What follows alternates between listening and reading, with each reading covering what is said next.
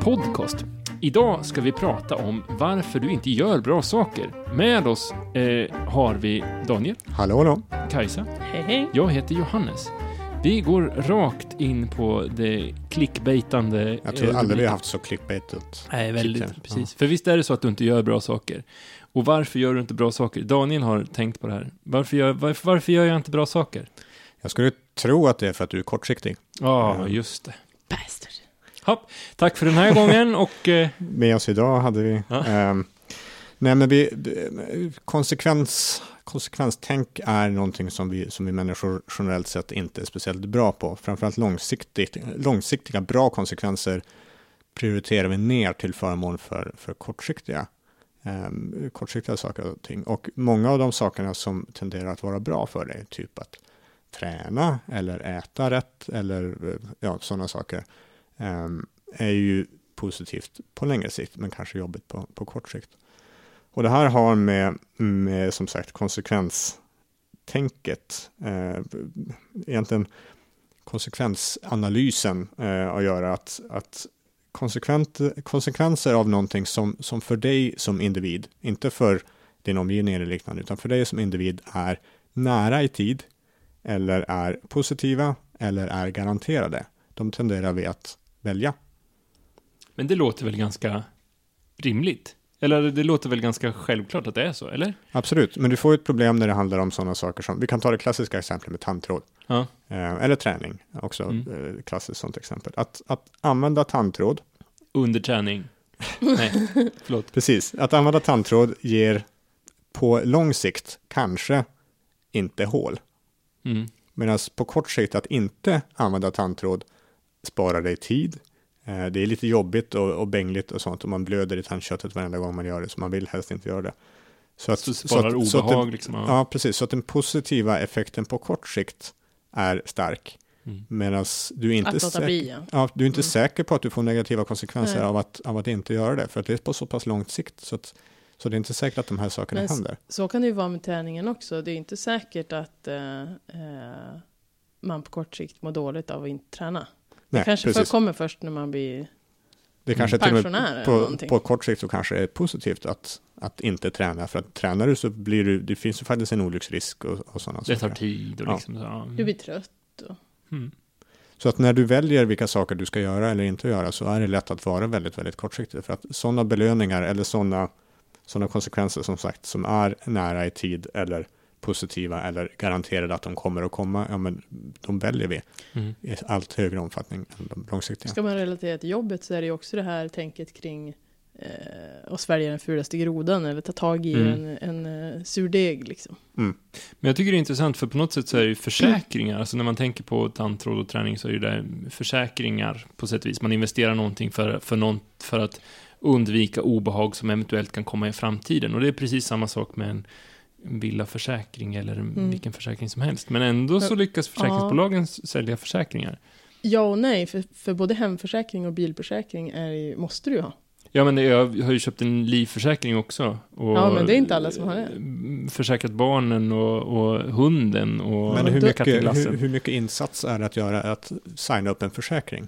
Ja, men det är ju några nej, det är några hundra lätt. kronor varje månad. Ja, några hundra spänn varje månad. Det är, det är, ju- det är belöningen för att inte signa den är ju omedelbar. Jag får ju mer pengar. Fast du får ju ingen belöning av att inte, Inte, göra det. nej. Du ser ju inte de, alltså, det Men är jag, inte blir, men du, jag blir ju av med obehaget att bli av med pengar.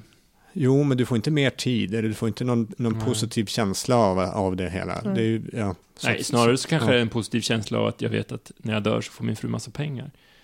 Eh, Men det går ju förhoppningsvis inte att tänka på varje dag. jo, det tycker jag. Nej. Men liksom inte just trygghetskänslan kan ju vara en positiv Ja, feedback. Liksom. Men det finns definitivt, som du var inne på Kajsa, med, med jobb. eh, delar av det Mm. här också. Man kan ta en sån sak som att komma för sent till ett möte. Mm.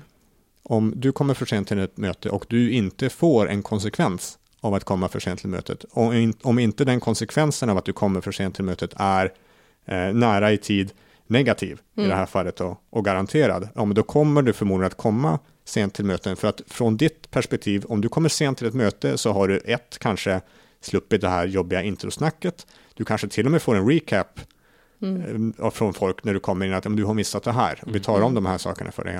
Och du hann med att göra ett par extra mejl eller, Mm. eller hämta kaffe. Så att för dig så är vinningen av att inte gå på mötet är positiv. Den är garanterad, för du vet Mm. att du får den och den är nära i tid. Om inte du stävjar det här genom att även ge en, en negativ feedback eller en negativ konsekvens av att vara för sen, ja men då kommer de här kortsiktiga positiva att väga upp det hela. För att vi Mm. tittar alltid utifrån oss själva i, i konsekvenstänkandet. Och det, det tycker jag, det, ja, man kan ta med sig det där också när man, när man skapar belöningssystem. Eller när man liksom sätter upp mål och, och kopplar belöningar till, den, till dem. Att, att belöningen ska komma så nära på uppnått mål som möjligt. Mm.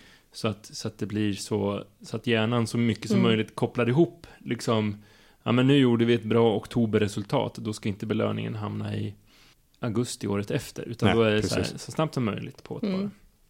Eller någon symbol över att det är, man har någonting att växla in. Nu kanske lite eh, flykt från ämnet, eller på säga, men det är relaterat till det du just sa i alla fall. Att jag, jag eh, lyssnade på en, eh, en annan podcast häromdagen. Lyssnar du på andra podcast? Ja, det var i slump, eh, bara slogs på i bilen. Eh, med några som hade jobb, eh, ett, eh, ett företag som hade jobbat med eh, med så här positiv förstärkning. Att de hade haft, eh, det var ett företag som eh, sålde produkter. Så hade de haft två skålar. Så varje gång, med, den ena var fylld med mm, stenar eller knappar tror jag det var. Som var i metall och lite tyngre. Och så var det glasskålar. Så varje gång du sålde en produkt, oavsett om det var liksom en dyr produkt eller en jättebillig produkt, så fick du ta en eh, knapp från den ena skålen och lägga i den andra.